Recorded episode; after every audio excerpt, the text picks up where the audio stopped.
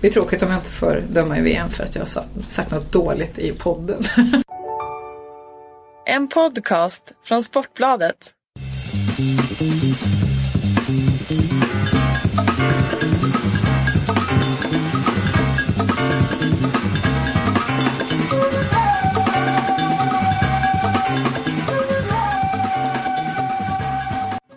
Lotta Nilla Fischer, Caroline Seger är några av stjärnorna som åker till VM. Och nu ser jag ett leende på andra sidan här mitt emot mig för Pernilla Larsson. Du också representerar Sverige i VM som domare. Hur känns det? Det känns eh, overkligt faktiskt. Eh, speciellt så här, jag ler när du rabblar upp de namnen för de känner man ju lite så här att eh, kanske att de står för en eh, någon klassisk del av damfotbollen på något sätt. Känns lite häftigt faktiskt att få då nämnas ihop med dem. Om de står för en klassisk del, vilken del står du för då? Nej men jag tänker att de där är många som känner till och de har varit med länge allihopa och är på något sätt representanter. Alltså, skulle man visa upp de korten så skulle väldigt, väldigt många veta vilka de var. Eh, vilket är häftigt. Eh, eh, domarna är inte så ofta folk vet vilka de är. Vilket kanske är bra.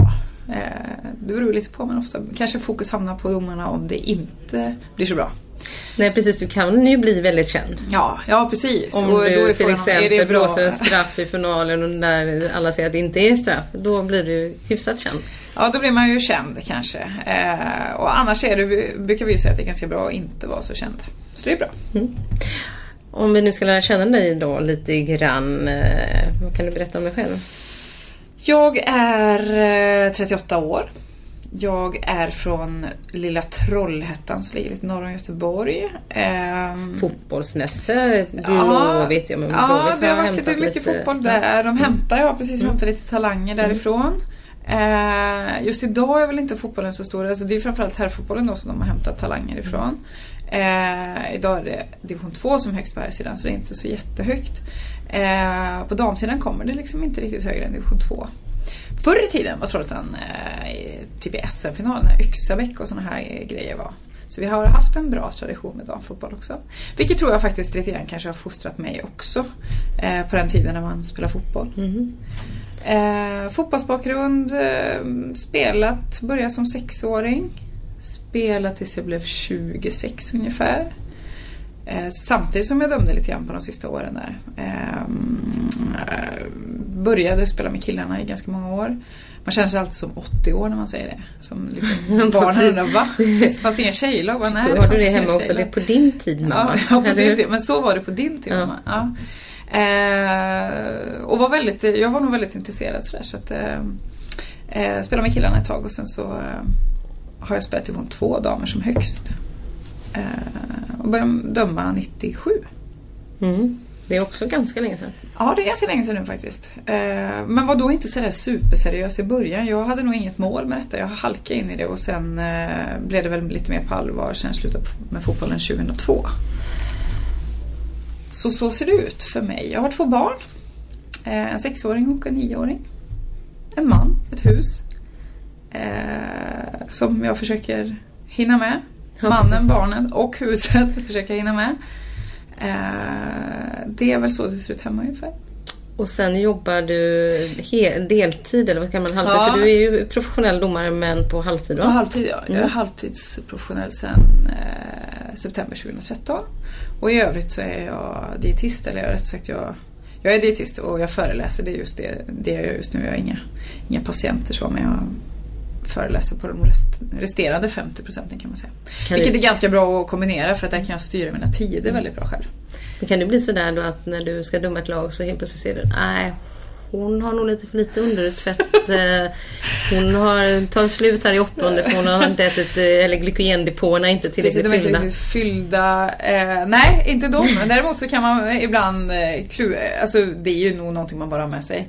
Eh, men man kan ibland klura när man är på ställen med sina domarkollegor och tänka så här, hur i hela friden ska hon kunna orka när hon äter så här. Det kan, ju- jag vet ju inte alls vad hon äter resten av dagen men ibland när man liksom har matcher tillsammans med folk från andra länder och så här så man tänker men herregud äter hon ingenting på hela dagen liksom, hur ska detta gå?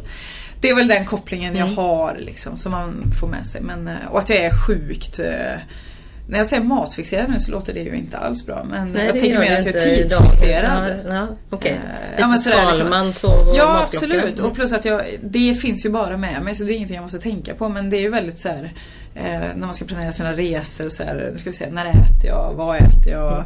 Sen är jag inte, alltså, sen är jag absolut inte mer noga än någon annan, absolut inte. Jag är nog väldigt, väldigt vanlig, mer vanlig än en vanlig människa tror jag. Eh, så jag äter ju allting så men, men just att, jag, att det, det finns alltid med som en faktor liksom. Mm. Att- Men du, vad, gör du då i halvtidspausen? Vad fikar du då? Nej, då fick jag inte. Och det är också, det är också spännande för på väldigt många arenor fortfarande så är det ju så att de som tar hand om domarna är inte de som tar hand om lagen. Vilket gör att det man får in i, i domaromklädningsrummet det är ju inte det som lagen skulle vilja ha. Eh, Så lite sötsaker. ja, men kanske lite Mm. bullar, kanske lite det ena och det andra. Och så här. Eh, någon gång så har vi skojat om det och liksom gått och lagt det, eller gått till tränarna för lagen och sagt kan inte du bara ställa in det till tjejerna? Eh, och då skojar Mm. skrattar de alltid när jag skojar väl? Nej, nej, för det här var vad jag hittade i mitt omklädningsrum. Liksom. Ja, precis. men det, det, så är det ju när man är kanske lite skadad också. Men, men eh, då ser man väl till att ha med sig lite, lite grejer själv. Lite. Vad har du med dig då? Lite Ja, men det kan vara, ja, kan det, kan vara banan, det kan vara någon eh, energidryck som man tycker eller inte en energidryck men en sportdryck som man tycker eh, om. Eller som man tycker funkar och sådär. Annars är det ju, annars är det jag är inte så himla eh, kan funka lika bra med, med vatten och banan liksom. Mm. Men eh, jag ser väl till att det finns någonting i alla fall, så kan man säga. Ja, och det kan väl vara bra för hjärnan drivs av eh, kolhydrater va? Det är det den gör va? Ja, och du, eh, du måste tänka klart. Ja precis och jag tänker att om jag springer ungefär kanske 12 km på en match Mm. så eh, har jag utan eh, att klura på detta så har jag tagit slut för länge sedan om jag ska vara ärlig. Och slutet av den matchen så blir det inte besluten så jättebra. Oavsett hur mycket jag kan springa så kommer de ändå inte bli så bra. Så att visst är det så. Visst är det så. Precis, det är ungefär lika mycket som en mittfältare springer va? Mm, ungefär. Mm, ligger den. Vi har väl kanske inte riktigt samma mönster på våra löpningar kan man säga. De är ju kortare och intensivare. Vi har ju också några maxlöpningar, eller ja, det kan ju bli några maxlöpningar. Eh, Men vi har ju vi har ju mer rörelse hela tiden fast den blir kanske lite långsammare i snitt då. Mm. Så kan man tänka. Och väldigt mycket eh, baklängeslöpning, sidledslöpning, lite sådär då. Precis, det klär så här baklängessteget Ja, är ni duktiga på att ta kliv, älgakliv. Ja, baklänges. så. fick jag en bild. kan man se vissa domare och här är kanske väldigt långa manliga domare att de kan ta otroliga kliv baklänges. Mm. Ja, verkligen. Tränar du baklängeslöpning? Ja, det gör jag faktiskt. Fast det här är roligt för att när jag började i eh, september 2014 så började jag träna seriös eh, sprintträning. Och eh, när han killen som hjälpte mig med detta han eh, sa att vi skulle köra baklängeslöpning. Och då tänker jag, jag gillar att vara bra på grejer va. Och jag var inte så himla bra på den här sprinten men där tänkte jag nu har jag min chans för det här, det här kan jag. Nej, jag blev totalt sågad, det var ju fel. Ehm, så det finns ju också bra och sämre sätt att springa baklänges. Det sättet som han hade nog snabbare men man ser otroligt mycket lökigare ut när man springer. Så att men det var ett bra sätt att, träna för att bli bra snabb Ja, framåt. faktiskt. Men har du ett snyggare sätt nu till VM då? Eh, vi får väl se, vi kan väl se, vi kan väl låta de som lyssnar på detta bedöma det. Ja vi- precis, vi Ja, får göra en omröstning sen. Vi sprang hon snyggt det- baklänges? Vem springer snabbast baklänges? Ja. Eh, På skoj har vi haft eh, någon sån tävling också Mm. med, på en Fifa-samling. Jag tror det var i Costa Rica senast eh, på U17-VM. Då körde vi på någon träning vem som var snabbast baklänges. Ja. Och så fick också folk eh, eh, betta lite vem de trodde var snabbast. Här. Ja. Vem var snabbast då? Nej, det var, jag var tvåa faktiskt. Eh, Det var nog en av eh, instruktörerna som, som faktiskt var snabbast. Men det var också han som tog tag i den här leken. Så han visste väl att han var snabb. Då var det du som var snabbast av Ja, men det vill jag ändå säga. Ja, Om ingen annan vill Nej. säga något annat så, Nej. så tar du då den. tar jag den. Du, berätta här nu då. Eh, ni är 29 Mm. 29 domare. som åker dit. Yes. Och eh, alla får inte döma. Och nu pratar vi ju några veckor inför och eh, låt säga att den här podden kommer ut precis innan. Om jag nu har fått reda på vilka matcher du ska döma då eh, så, så får jag berätta det. Men eh, finns det risk att du inte får döma något? Ja, det finns det. Eh, inför så vet alla att det är, man vet hur många från varje, det heter ju konfederation, Mm. Uefa är ju vårat då. Eh, och då vet vi att det är nio stycken uttagna och att en kommer vara fjärdedomare då, bara fjärdedomare. Det betyder ju att man får ha väldigt, väldigt många matcher men man kommer inte vara i, inne på plan. Eh, om det inte händer någonting eller så. Men ända fram tills vi kör, startar igång den 6 juni så kan det också hända saker. Folk kan bli sjuka, alltså folk kan bli skadade. Så att för att alla ska vara maximalt eh, tränade för att åka så har de inte meddelat vem som kommer vara från Uefa då. Eller inte från någon. Så alla åker dit med eh, viljan att döma eh, det största evenemanget på damsidan. Liksom. Och sen eh, får vi väl reda på när vi kommer fram nu vem som kommer vara fjärdedomare. Vi träffades ju på vägen upp hit till Stockholm mm. där vi sitter idag faktiskt. Vi åkte samma flyg, visste vi inte om. Eh, vad sa du då? Man vill ju inte göra en Nej, man, man vill inte göra en Martin Hansson. Jag eh, vet inte om det är ett, ett vedertaget uttryck. Men, eh, det var ju inte riktigt samma då. Men, men eh, Martin fick ju förmånen att åka på ett VM men fick inte döma några, någon match. Eh, alla såklart som åker dit vill ju döma. Sen får man väl ändå säga så här att bara att vara en av de 29 bästa i världen är väl klart att man är Alltså man, det, är ju, det är ju ära bara i det. Och att få ens vara så nära ett VM trodde jag aldrig att jag skulle hamna. Så att det är klart att eh, oavsett hur det blir så kommer det ändå vara fantastiskt att få vara en del utav det. Och efter att man då, jag, för, jag förmodar att eh, man bryter ihop och kommer igen. Och sen eh, gäller det att jobba ihop med, som fjärdedomare får man jobba ihop med olika hela tiden. Och då gäller det att jobba för sina team där man är liksom, så bra som möjligt. Men alltså blir man inte uttagen bland de eh, nio, eller, blir man uttagen som en reserv, där, då, då är man fjärdedomare mästerskapet igenom om inte något Om inte någonting händer, ja, ja. Precis. Mm. Eller om det skulle vara så att det är någon som eh, gör ett gigantiskt misstag. Eller jag vet, mm. Det kan jag tänka mig att det skulle kunna bli bortplockad och att man då får gå in istället. Mm. Men, men så brukar det gå till. Mm. Men det händer också att folk blir skadade. Ja. Eh, U20-VM i Kanada förra året var det en italiensk domare som drog knät. Eh, och då fick den fjärde domaren som kom från Europa hoppa in. Mm. Hon dömde en semifinal. Mm. Så, att, eh, så kan hända. Men vi utgår och hoppas och tror att uh, du får ge dig in i leken ja, från början.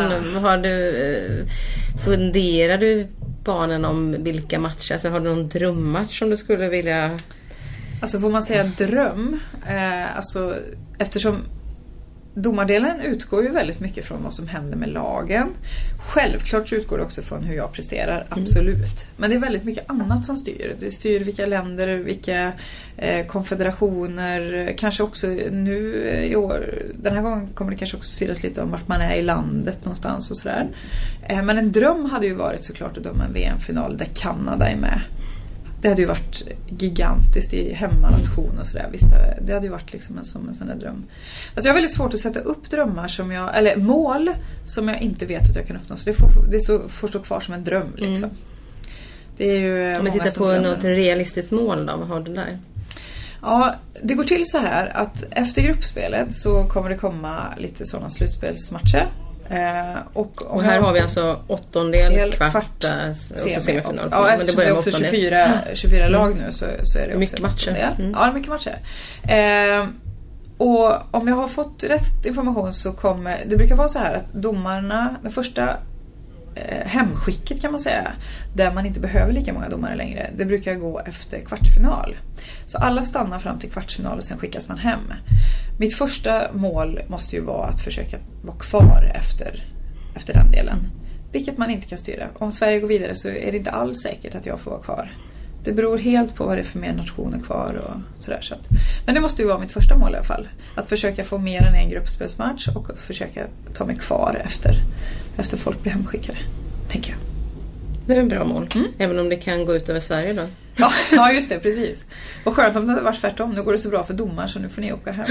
ja, eller Jag vet inte om Pia Sundhage köper det Nej, jag är tveksam också Du, eh, när du då dömer så har du ju erfarenhet eh, både från landskamper och från Champions League-matcher. Eh, men om vi ser på landslag då, är det något landslag som är svår, mer svårdömt än något annat som du har stött på? Nu är det ju så här att de flesta utav de landskamperna om jag tittar på hur om alla jag har haft så är ju de allra flesta är ju med europeiska lag. För det kan vara Mm. EM-kval det kan vara liksom. VM-kval och sådär. Och då är det ju europeiska lag. När jag har varit, eh, jag har varit på ett U20-VM i Japan. Då dömer man lag från hela världen. Eh, men det är ungdomslag. Mm. Eh, U17 Costa Rica var samma sak. Och U17 dömde du finalen. Eh, semifinal. Semifinal. Final i Japan. Final i Japan va? Och semifinal i Costa Rica. Det är bra. Ja, det är ju bra. eh, men där tänker jag säga att de som, det som händer från Europa, det känner man igen. Det spelet känner man igen. De är väldigt strukturerade och de har, alltså även om de spelar lite olika så känner man ändå igen sättet att göra saker. Liksom. Det, mest utmaning får man ju oftast ifrån de matcherna där ett väldigt, väldigt liksom känt spelsätt möter ett ganska okänt spelsätt. Och ofta kommer de afrikanska lagen kommer jättestarkt nu. Nigeria till exempel som Sverige har i sin grupp. Eh, har jag ju stött på då liksom i, i ungdoms-VM. och där, de spelar på ett helt annat sätt. Och kanske lite mer svårlästa och man har inte sett de lagen så mycket. Vi har, försö- vi har fått eh, lite länkar så att vi ska kunna läsa in oss på lagen innan och sådär. Fast det är lite svårt för vi har ju mycket mer media här så man kan se våra lag härifrån. Men det är lite svårt med de som kommer från andra kontinenter då. Eh, men det kan nog vara en eh, stor utmaning med de lagen för de spelar annorlunda. Eh, det är en annan typ utav fysisk fotboll. Eh, vi har också fysisk fotboll här i Europa fast på ett annat sätt kan man säga.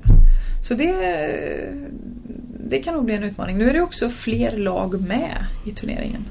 Vilket gör att bredden kanske ökar igen då mellan olika kompetenser och nya lag som kanske aldrig har varit i ett mästerskap förut. Det kan ju bli, kan ju bli spännande matcher också. Annan typ av fysisk fotboll innebär det att eh, som frisparkssituationer till exempel blir, dyker upp på, på sätt som du inte är lika van Ja, vid? eh? absolut. Ja. De satsar kanske annorlunda. Mm. Ehm, en del utav eh, eh, och jag tänker liksom om man tänker fysiskt nu då så eh, från vissa världsdelar och så så kanske man är extremt snabb. Vilket gör att man kommer in i situationer på ett annat sätt kanske och inte riktigt lika skolad och har lika mycket matcher som vi har här i Europa och sådär. Eh, så, så de situationerna ser annorlunda ut på något sätt. Eh, och att det ställer också krav på oss att vi kan anpassa vårt sätt att löpa till exempel och när vi ska starta och hur, vi ska, hur man ska placera sig för att man ska se situationen så bra som möjligt. Eh, Medan i vissa matcher så, så sköter det sig nästan självt. Liksom. För det är duktiga lag och man brukar ofta säga det att det, det blir lättare att döma ju bättre lagen är. Eh, och det, det är just när det blir väldigt olika typer utav fotboll då blir det, då blir det tuffare faktiskt. Hur eh, är det med konstgräset för er domare? Man säger ju att det inte är lika lätt att spela försvarsspel, man kommer inte in i press på samma sätt och närkampsspelet inte blir lika hårt. Eh, Nej. Eh, Kan du som domare se en, en skillnad där just när man dömer en match på konstgräs i situationen jämfört med naturgräs? Ja, det kan jag absolut göra. Eh, det kan jag absolut göra. Nu är jag, alltså, skulle jag få klicka i någon box, eh, vad, liksom, vad, är, vad, vad är dina starka sidor här nu då? Ja, då måste ju konstgräs vara en av mina, för jag dömer ju 85-90% på konstgräs här hemma. Så du är en konstgräsdomare? Man Ja en precis, ja, man kan liksom vara det så vore det, kan Ja, jag ja. ticka i den boxen. Mm. Nej, men jag är så van, vi, vi har ju haft i många år nu i damallsvenskan så går ju nästan, nästan alla matcher på konstgräs. Och det är också en sån här grej som, som eh, inför eh, förberedelser inför allsvenska matcher så, så har man ju verkligen med det som en faktor. Om man har, dels om man har eh, match på naturgräs och med ett lag som är vant med, med konstgräs. Eller tvärtom, ett lag som är vant med naturgräs och kommer till konstgräs. För att eh, nu tror jag nog i och för sig att eh, tränarna är så skickliga så att de har förmåga att byta beroende på hur många spelare de har såklart, men byta system lite beroende på vad. Men det blir annorlunda, absolut. Och eh, har man två lag som är van vid naturgräs och spelar på naturgräs, då är det en helt annan match än eh, en av varje och sådär. Eh, så jag tror, att, jag tror att jag kan ta nytta av det lite på något sätt. Och att, ehm, Det är ditt VM-vapen.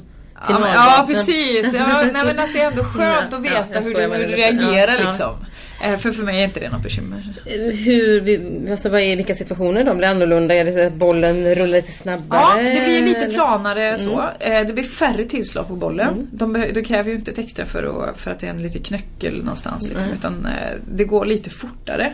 Jag tycker att det blir en annan typ av fysiska situationer också. För att det blir väldigt sällan så att man hinner inte så nära inpå. Eh, Så de som kommer och ska attackera kommer ofta mer i fart. Eh, de får vara snabbare och attackera annars så liksom hinner man inte in i den situationen. Eh, och även som... Kommer man fel då? Så ja, men, ja då blir det väldigt fel. Då kan det bli väldigt fel. Eh, och det blir ju, alltså de som kommer riktigt fel, då blir det lite som att de spelar kvadrater med dem liksom, för de hamnar ett steg mm. efter hela tiden. Så eh, och, och dels att jag får också tänka eftersom försvararna får tag i bollen fortare det kräver inte ett extra tillslag vilket gör att jag måste så fort försvararen får bollen och börja med sitt kroppsspråk visa att han är på väg att slå en lång boll till exempel. Då måste jag sticka på vinst och förlust för att annars kommer inte jag hinna till nästa ställe. Och den bollen när den landar sen så kommer den också Studsar den då så studsar den med en ganska snäv mm. studs och lite mer framåt. Det här är ju väldigt domartekniskt men, men, ja, men vilket gör att jag måste, jag måste mm. förbereda mig för det mm. så att jag inte står och väntar på att bollen är slagen för då är jag alldeles för sen. Sen är dagens eh, damfotboll, den går ju fortare och fortare. Mm. Eh, så, vilket herrfotbollen gör också såklart. Men det gör ju också att vi, man kan inte stå där och, och på sina hälar utan eh, läsa så tidigt som möjligt vad spelarna vill någonstans och sen så ja. Och också klura lite på vart eh, eh, för mig blir det hela tiden en avvägning. Vart behöver jag vara och var kommer det vara mest viktigt att jag är? Liksom hela tiden så här. Är det viktigaste att du dröjer här eller kommer den här bollen komma in i straffområdet? Ja, då måste det vara viktigare att jag släpper det här till de andra i mitt team och så får jag vara här. Liksom så. Mm. Du, ehm, en diskussion som var ganska aktuell när det gäller damfotboll, herrfotboll här nu var ju Champions League-finalen och Karin Caroline Seger som var avstängd Eftersom man får två gula kort och eh, då är man avstängd medan herrarna får dra på sig tre gula kort. Eh, ur domarperspektivet, liksom den regeln eh, som vi var förvånade över många inte kände till. Hur ser du på den? Att det är liksom olika regler? För annars är det ju precis samma. Jag ser väl egentligen inte något annat än att det är märkligt att det är olika regler. Mm. Men jag har ju liksom ingenting med regeln att göra. Så därför så, så blir det väl liksom mer bara ett konstaterande av att ja, det var ju märkligt att det inte var samma. Eh, och så undrar man, är det någon som har uppmärksammat detta innan? Eller så här. För det, det är väldigt ofta så att vi får frågor om det. Det är också väldigt, eh, när Zlatan var inblandad med saker i, nere i, i Frankrike så frågar de mig. Men, men, det, är ju inte, det är ju ingen domarfråga. Det här är ju en disciplinnämndsfråga. Mm. liksom sådär, så att, därför så, ja, jag kan ju mest bara komma, tycka att det är märkligt att mm. det inte är samma. Mm. Sen hur det än är så borde det vara samma för båda.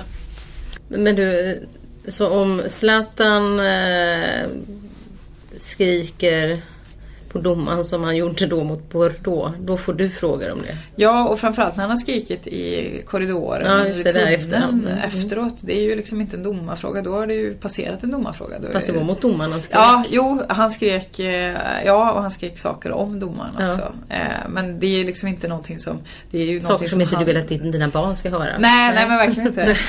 verkligen inte. nej men det är ju, det är ju Allt det där är ju sånt som händer runt omkring är ju ingenting som, som egentligen det är ju möjligtvis den enskilde domaren om han överhuvudtaget har hört det eller sådär va. Mm. Men sen går det ju till ett, det är ju samma här hemma. Mm. Disciplinnämnd eller tävlingskommitté. Men där handlar det kanske lite mer om en respekten för domaren. Kan ja, men det, den, den det är ju diskussionen... sant. Eh, att, att det blir liksom mer en sån fråga. Fast det, jag tycker det är, det är svårt att gå in i de diskussionerna överhuvudtaget. När man det var svårt för dig att säga om Zlatan gjorde rätt eller fel. Ja, nej men det, eh, det kan man ju tycka om hur som helst. Oavsett om man är domare eller inte. Precis.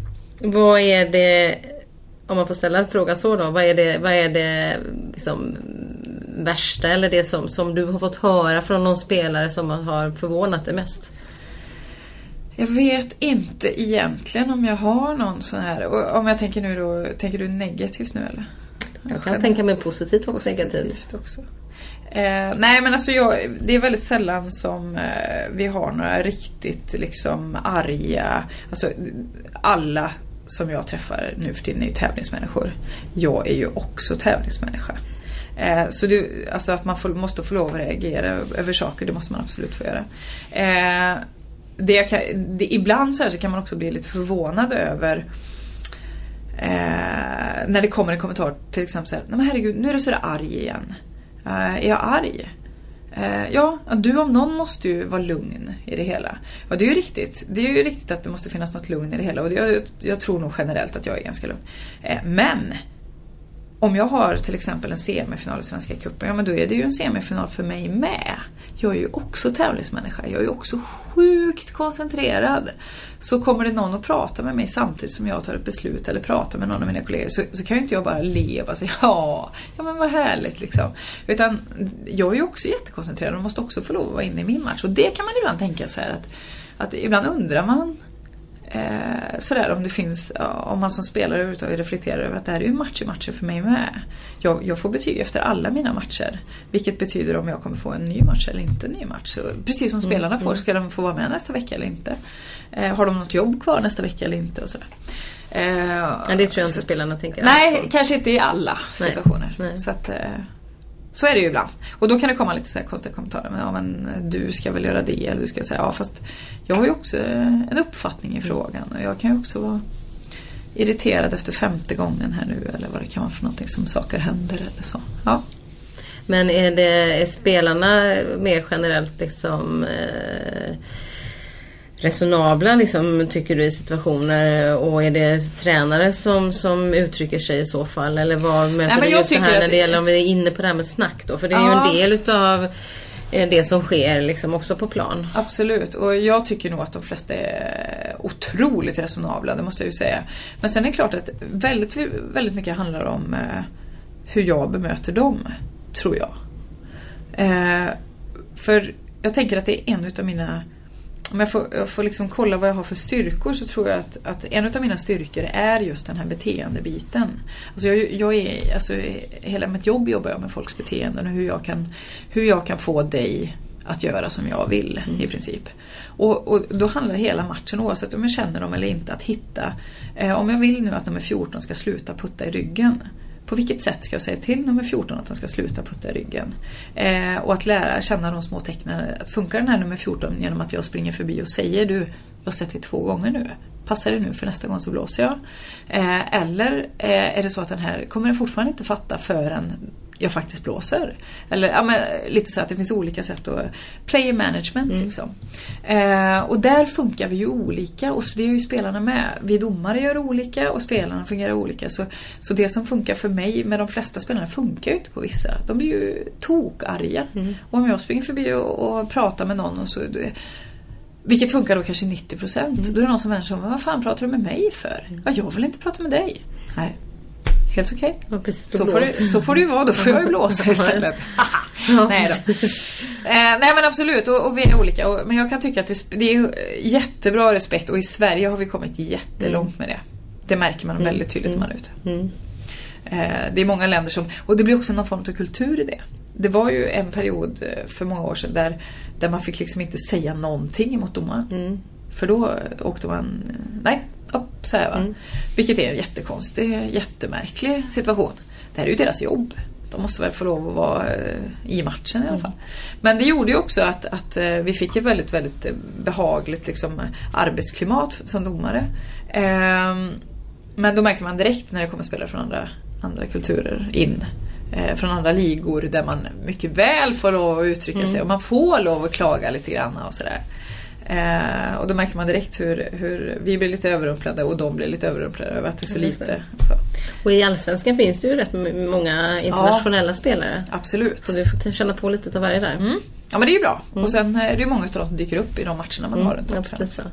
Så jag måste ändå fråga dig för, för eh, det vet jag när jag pratat med andra domare att eh, en sån som Marta är ju så eh, många som snackar om att hon kan vara lite gnällig mm. på plan. Hur ser du på det?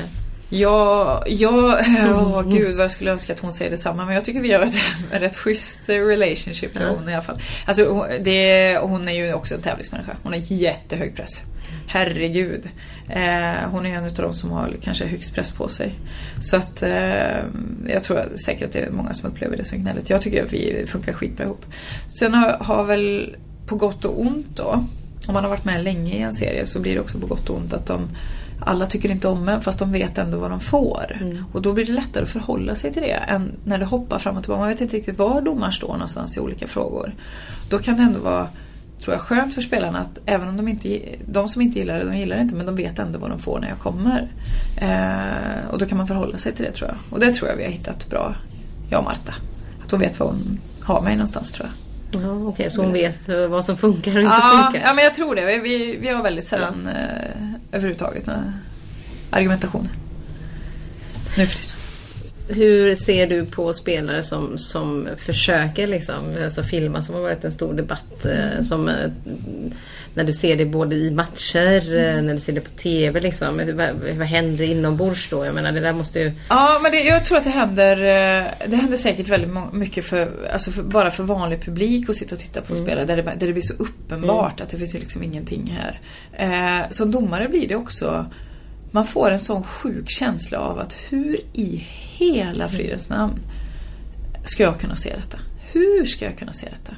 Eh, framförallt de som är riktigt, riktigt skickliga i detta. Sen sätter det ju press på mig för väldigt, väldigt ofta så, i alla fall när det är hyfsat kända lag oavsett om det är landslag eller klubblag. Så har man lite känsla för vil- vilka spelare, det vet ju, alltså, det vet ju såklart killarna också. Eh, vilka spelare som är mer eller mindre lätta eh, för att falla eller försöka lura en och sådär. Eh, och då försöker man ju alltid att ligga lite närmare till exempel. Kanske hitta en annan position på dem för att man vill vara hundra säker på vad det är som händer. Men visst får man en sån här, jag får nästan som en knut i magen när det blir så. Och framförallt om det också går hem så att säga, en filmning. Eh, man vet hur jäkla fort det går. Och framförallt på killsidan går det ju ännu fortare och hur mycket som står på spel. Och så liksom kommer man igenom med det. Ja, det känns, eh, känns lite fisigt ibland. Ja, att de försöker, försöker Ja, liksom men alltså, lura. sen, sen kan ju vissa säga att det ingår i spel. Och så säger, ja, men det gör det säker, säkerligen. Eh, och så ingår det i mitt spel att jag ska försöka lista ut då vilka det är som håller på att luras eller inte. Eller ja, luras. Eh, skaffa sig fördelar då utav det. Men det, mm. Eh, det som kan också kännas väldigt tydligt det är också när vi kommer till VM nu så har vi det kan vara fel nummer 22 kameror eller något sånt där. Det är jättemånga kameror. Det är någon helikopterkamera. Det är liksom, ja men det är jättemycket. jättemycket. Så Mer än vad det någonsin har varit. Eller? Ja, alltså jag tänker på TV-kameror. Eh, och det är också så här, det är ju väldigt lätt för den som sitter hemma. Det är ju oerhört Ja, tydligt. Vi ser, vi, Det vi känns jag, ju- men de som sitter hemma och tittar på TV de ser ju alla situationer om och om igen. Om och om igen och man också ser väldigt tydligt om, om man kan, jag menar det gör ju jag själv som TV-tittare sitter och tänker sig oh, att man inte såg det. Det var ju jättetydligt. Fast i farten så är det liksom. Och det kan ju ibland kännas sådär att nej skit också. När man får se det i efterhand sen. Men du, för det har ju varit diskussioner där eh, och är ständigt liksom om tekniska hjälpmedel, eh, målkameror bland annat då som varit uppe på tapeten. Jag vet Har ni måldomare? Nej, inga mål men vi har uh, målkameror i VM. Goal Line Technology, samma som de Hey, I'm Ryan Reynolds. Recently, I asked Mint Mobile's legal team if big wireless companies are allowed to raise prices due to inflation. They said yes. And then when I asked if raising prices technically violates those onerous two year contracts, they said, What the f are you talking about, you insane Hollywood ass?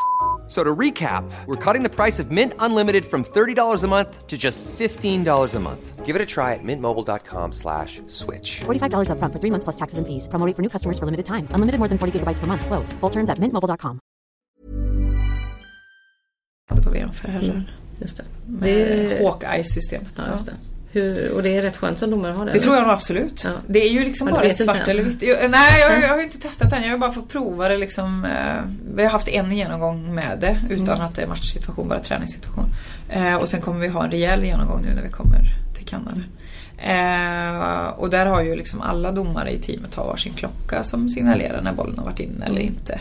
Och det för mig är ju inget det är ju ett svart eller vitt beslut. Mm. Det är ju liksom fair. Har bollen varit inne så har den varit inne. Och då är det också skönt för att så fort som det går.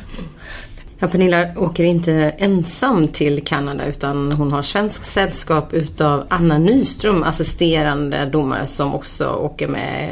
Hur är det? Är det skönt att ha sällskap? Anna är ju erfaren. Hon har varit med Jenny Palmqvist på Mm. VM förut i Tyskland. Och Jenny var ju före dig då den internationella stjärnan, den svenska stjärnan på domarsidan. Och var i jättemånga år. Mm. En fantastisk tjej. Ehm, så Anna har varit med Jenny både på VM och OS eh, och sådär.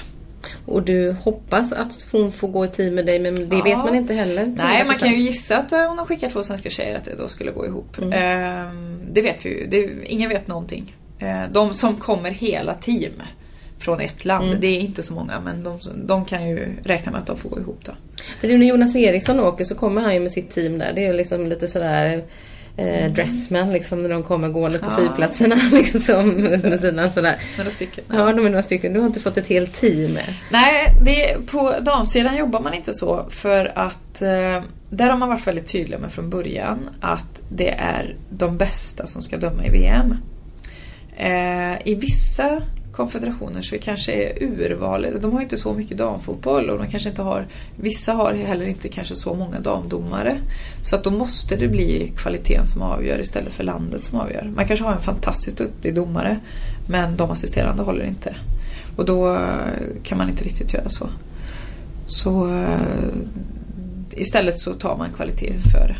Hur är kvalitet? För det har man också diskuterat på mästerskapen att det kan bli lite varierad kvalitet på, dom, på domarna för det finns länder som inte har kommit så långt. Hur skulle du bedöma på E29 som är där nu? Eh, Det, jag kan inte bedöma kvaliteten. Det jag kan bedöma är att de har, alltså man har jobbat i fyra år med att plocka ut de som är där idag. Så jag hoppas innerligt att, att de har gjort en bra bedömning på de som är där. Ingen är på sitt allra första mästerskap, alltså, liksom sin, alltså ingen är nybörjare. Eh, direkt efter VM i Tyskland 2011 så börjar man plocka, leta efter vilka ska vara med om fyra år. Och så eh, använder man oftast Algarve Cup då till att försöka göra någon form av samling. För där vet man att det blir bra matcher och då kan man liksom bedöma lite hur man ligger i nivå. Då plockar, jag med 2012 på Algarve då, liksom ett halvår efter VM. Och eh, då var vi bara sådana som Fifa aldrig hade sett. Ja, då sorterar de lite där och så plockar de ut några utav dem och åka och döma något eh, U20 till exempel som jag fick göra. Och då plockar de in några utav de gamla för att liksom kunna jämföra lite grann hur ligger nivån. Och, eh, och så håller man på med det i tre och ett halvt år. Tills nu då. Mm. Men just att du fick U20-finalen måste ändå slå mm, högt i meritlistan. Vet inte, ja för mig gör du det. Ja. Men sen om det liksom bidrar till någonting nu, det vet jag inte. Nej. Eh, Men visst gör det det, det var ju helt galet. Jag eh, kändes ju som att jag halkade in eh, liksom på någon form av bananskal. Jag hade ju alltså, hade aldrig kunnat gissa att jag ens skulle få döma ett U20-VM och så blev det, blev det så bra. Så det var ju roligt. Men det måste ju bottnat i att du har gjort det jobbet på vägen fram bra. Jo men det, det var säkert så. Det, det, som var, det som var då var ju mer så att det var väldigt, allting var väldigt nytt. Jag har varit Fifa-domare sedan 2010. Och det har, alltså man ska ha tur, man ska ha eh, också ha såklart skickligheten att förvalta sina chanser, så är det också. Men man ska också få liksom sådär lagom, eh, inte matcher som inte innehåller någonting. Det är värdelöst, då får man ju aldrig visa att man, att man duger till något. Men man vill heller inte ha matcher som fullständigt urartar. För då kanske man tappar den matchen. Så att det gäller liksom att hitta och att man råkar vara vid rätt tillfälle och sådär. Och att man då också tog chansen när man fick den. Så är det ju. Och eh, som sagt då att när man kommer till de mästerskapen så min smala lycka var att Sverige var inte med i det mästerskapet alls i U20-VM. I Japan till exempel. Och då, då fanns det ju chans för mig att följa med hela vägen fram. Så att lite sådana grejer är det ju som väger in. Och det blir samma nu. Att eh, det ingår i reglerna, att, eh, eller våra förutsättningar på något sätt, att det kan gå hur bra som helst för, för en domare. Men går det ännu bättre för landet så är det ju, så är det ju ibland. Hon som är, har varit rankad som etta i världen eh, nu ett tag är från Tyskland. Bibiana Steinhaus. Och, eh, Hon har varit med rätt länge. hon har varit med länge också.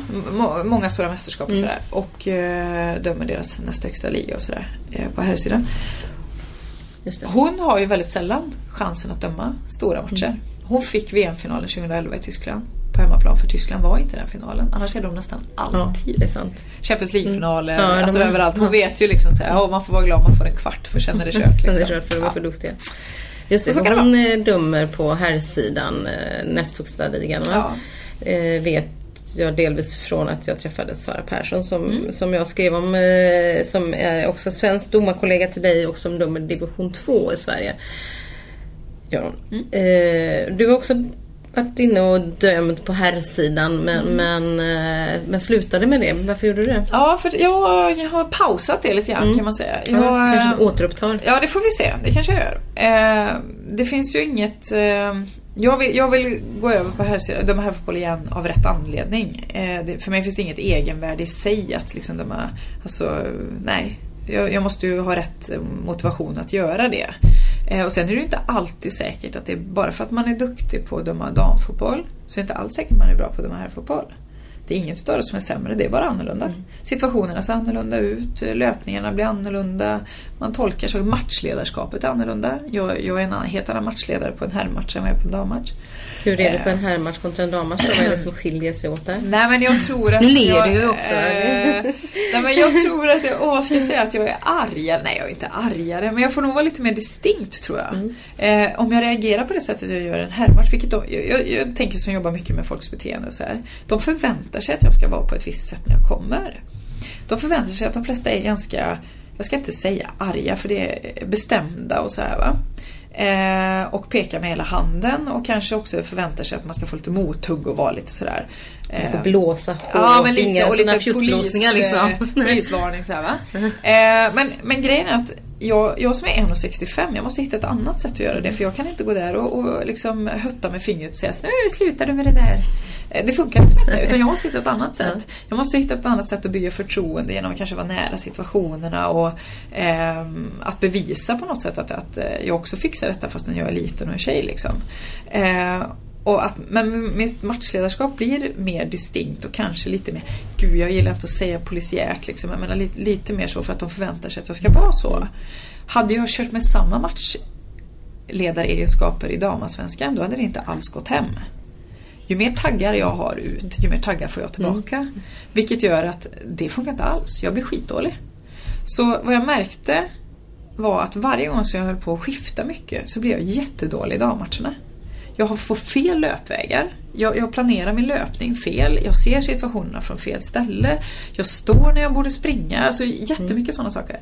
Och någonstans då inför den säsongen 2013 när det börjar liksom rulla på och man fattar att okej, jag är visst med på någon form av eh, lista och komma till VM. Då fick jag värdera lite grann så här och då kände jag så här att så länge vi har en av världens bästa damligor och jag har möjlighet att döma jättebra damfotboll i Europa och sådär. Nej, då satsar jag på att försöka vara så bra på det jag gör mycket. Ehm, istället. Och eh, släppa killsidan lite grann. Sen har jag jobbat ganska hårt på att bli snabbare också. Eh, vilket också gör att jag får släppa för att jag kan inte ha så många matcher för jag måste också hinna med att göra eh, Plus att Fifa kräver ganska mycket träning av oss också. Eh, och, och då känner jag att okej, jag, jag hinner inte med båda på samma sätt. Och då måste jag släppa för mycket dammatcher för att hinna med herrmatcherna. Och jag vill ha dammatcherna. Så att, eh, sen får vi se.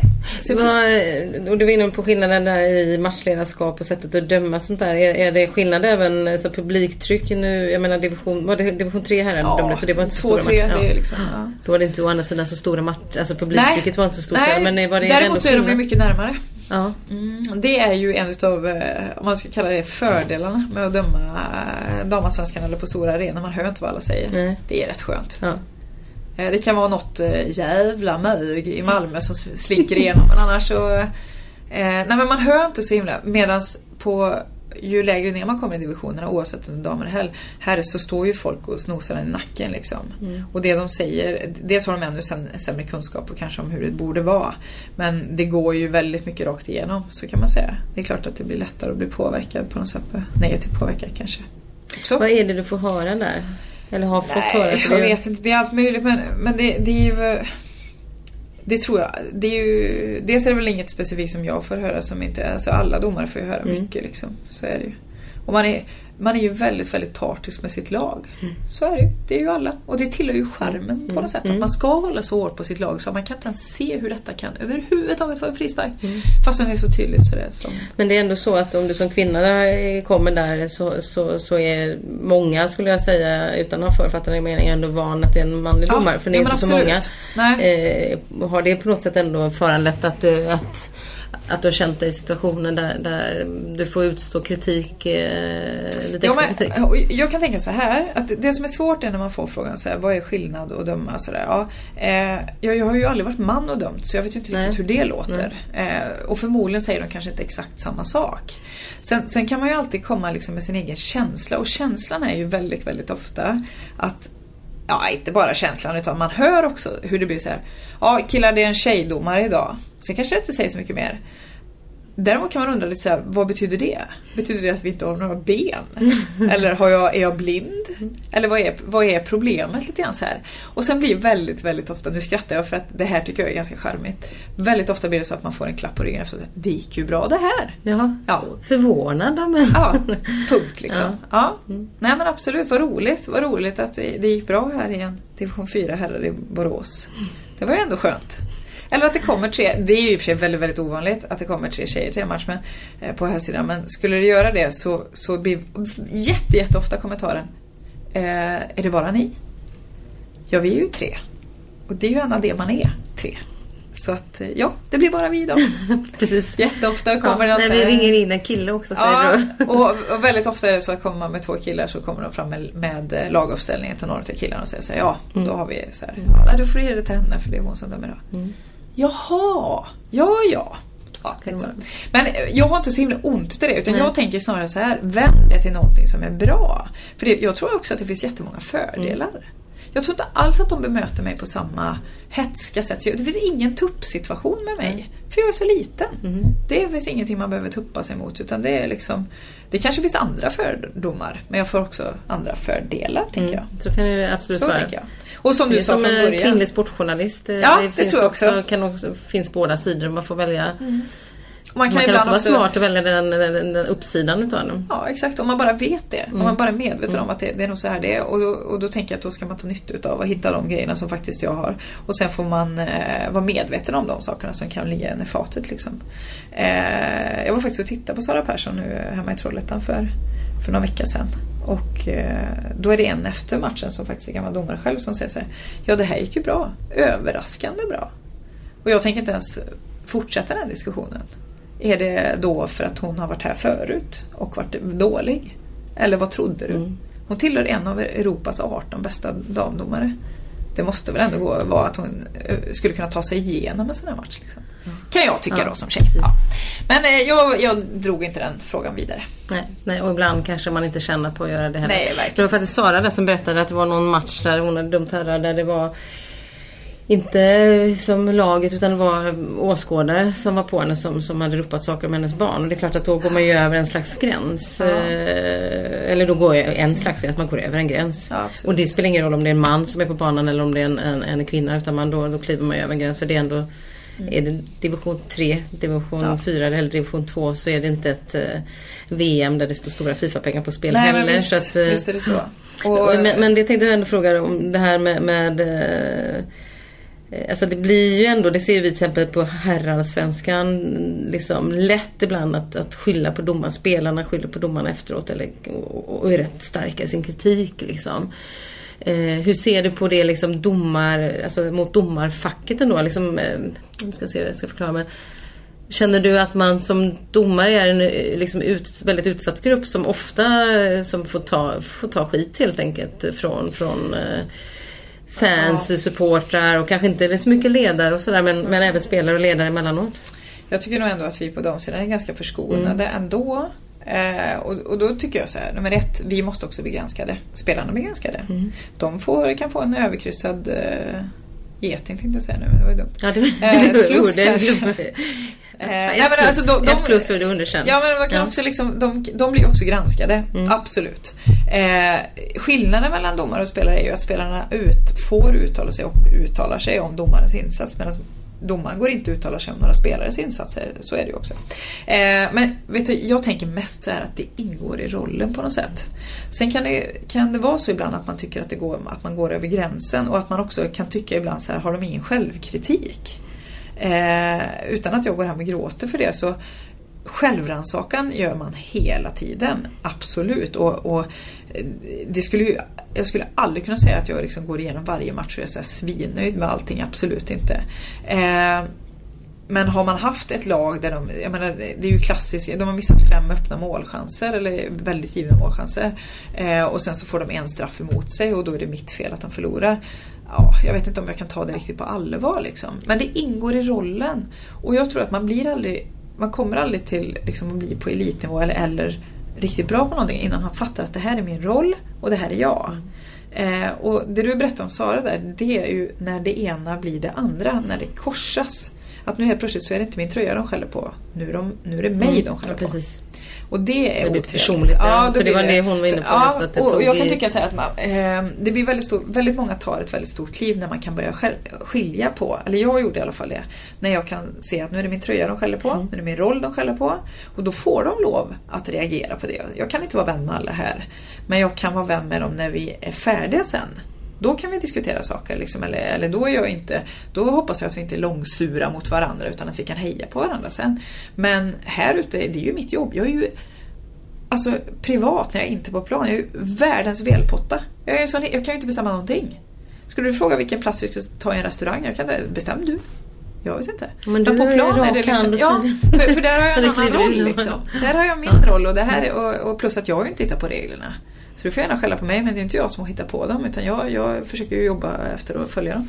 Eh, och det, det blev för mig väldigt, väldigt stor skillnad när jag klarar liksom att skilja på att nej, jag, be, jag behöver inte vara vän med alla här. Eh, det är ju inte min roll alls. Det får jag ju vara utanför. Eh, och det, det som ibland också kan bli märkligt är, jag har, min familj är med och tittar ibland. Min man och mina två barn. Eh, men nu för tiden så är de inte alltid så intresserade av att följa med. Och på vissa arenor är de inte så intresserade av att följa med. För att det blir ganska otrevlig stämning. Jag hör det inte så mycket på plan. Men eh, det är ingenting som min man vill att mina barn ska höra. Vad de ropar till mig. Så att, Ja, man vill inte att de blir Nej. domarjävel liksom. Nej, eller mamma. vad det nu kan vara. Mm, kan eh, ord som de inte ens vill, man vill att de ska kunna. Liksom. Eh, vilket då kanske inte jag hör eftersom jag är längre ifrån Mm. och det är en stor massa och så. Men de hör det. Eh, så att vi försöker väl att de matcherna som de följer med på det är arenor som vi vet att det funkar Mm. och publik som det funkar. Och sen, eller så får de gå bort någon annanstans. Och så nu i sommar får de titta på TV. Nu får de titta på TV, nu får de hålla sig vakna i så fall Ja, tror jag. precis, det blir Eh, sen- det blir sena sena nätter. nätter. Ja. Du, om man tittar på eh, så internationellt, vilka domarförebilder har du?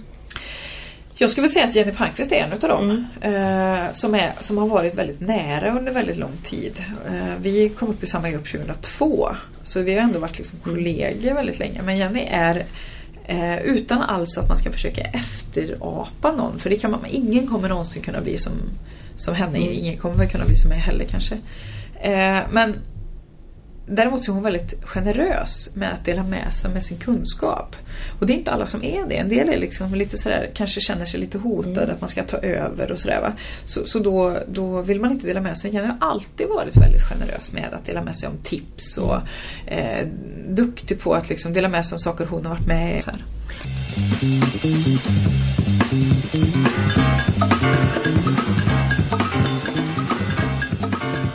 aldrig. Du har inte blivit Nej, mutad? aldrig. Nej. Inte ens In- hamnat i en situation där jag liksom Ingen har... som har försökt påverka dig, du om du är dum är schysst? Nej. Ingen inte, matchfixing? inte en Nej. enda gång. Nej.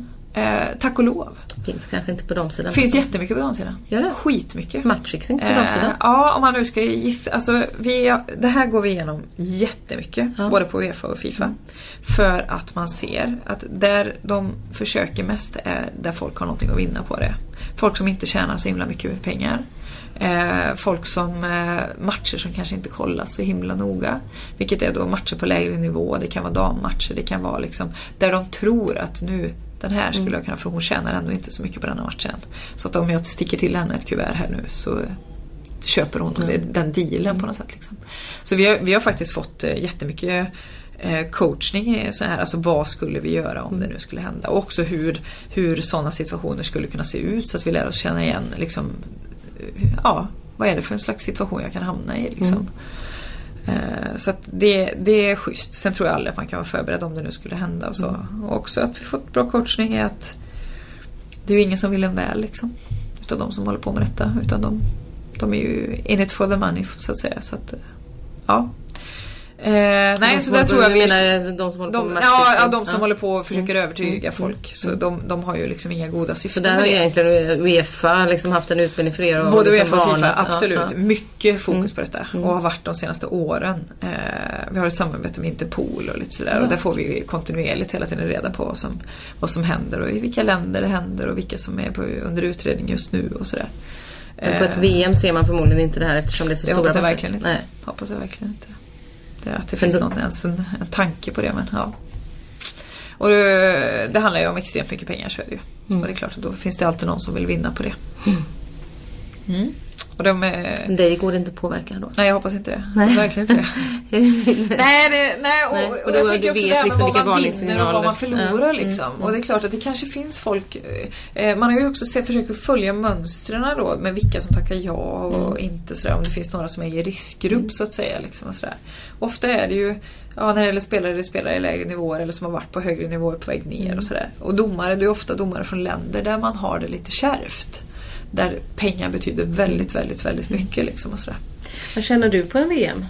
Eh, ja, någonting känner jag. Jag vet faktiskt inte eh, alls. Vi får, vi får eh, en form av ersättning för att vi har tagit oss till, till VM. Men hur mycket har jag faktiskt inte i Mm. På en. VM-bonus men du vet inte hur mycket är. blir liksom. Nej, Nej, sorry, jag kom precis. inte hem med så mycket Det blev ingenting i år. Det blev ingen liksom. resa, nej. Det vet jag faktiskt inte. Nej. Det får jag väl förmodligen reda på när jag Men sen får du uppehälle och resa och allting. Ja, jag får, jag får det, ja precis. Mm. Eh, en, eh, något, en, som en dagsarvode kan man säga också. Man får en, en summa för att man har tagit sig dit och sen får man ett arvode för varje dag som man är kvar. Är det också prestationsbaserat att man får mer om man dömer en final? Nej. Man, in, ingenting för matcherna utan eh, har du en final har du däremot varit där i flera dagar. Mm. Så kan man säga. Men vad, summan kan jag faktiskt helt ärligt säga att det har jag ingen aning om. Nej.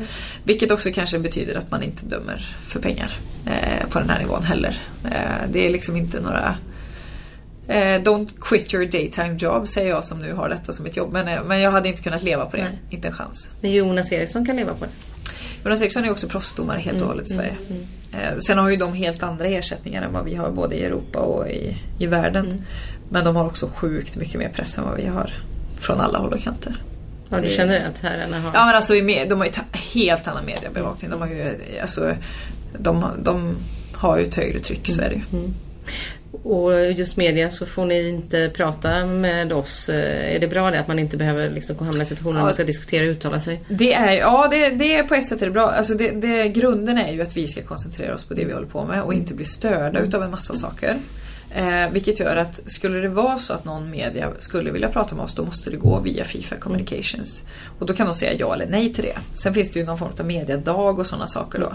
Men till och med minsta lilla fråga måste jag gå, alltså kommer det en fråga till mig personligen på min mailadress så måste jag fråga Fifa Communications om det är okej att svara på det. Även om det bara skulle vara så här, hej vi ska kommentera här på Eurosport, har du lite bakgrundsfakta till mig? Vad jobbar du med? Ja, inte ens det utan jag måste igenom för att se så att det funkar. Men på ett sätt kan jag faktiskt tycka att det är bra för att ehm, det snor en del fokus ifrån det man håller på med. Och också en del är inte heller så bekväma. Och, och har ingen som helst träning. Vi får ju ändå dock lite mediaträning, så är det. Det är inte jättemycket men eh, och då ser man ju lätt att vissa är väldigt, väldigt obekväma. Och är helt liksom stela och är, kan också är väldigt rädda att bara kväka ur sig grodor. Och då, då är det bättre att vi inte svarar på det. Du har känts väldigt bekväm. Ja, det är Ja. lätt att vara bekväm här! Ja, det är lätt. Ja, vi har suttit Ja, här verkligen. lite relaxed Ja, tillbakalutat. eh, och eh, jag kan bara säga lycka till. Och eh, ja, jag vet inte om jag ska hoppas på att du får en final för då går inte Sverige dit. Men det kan väl vara bra om att komma långt i turneringen. Så Ja, det kan vara roligt i alla fall. Tack för att du ställde upp. Tack själv!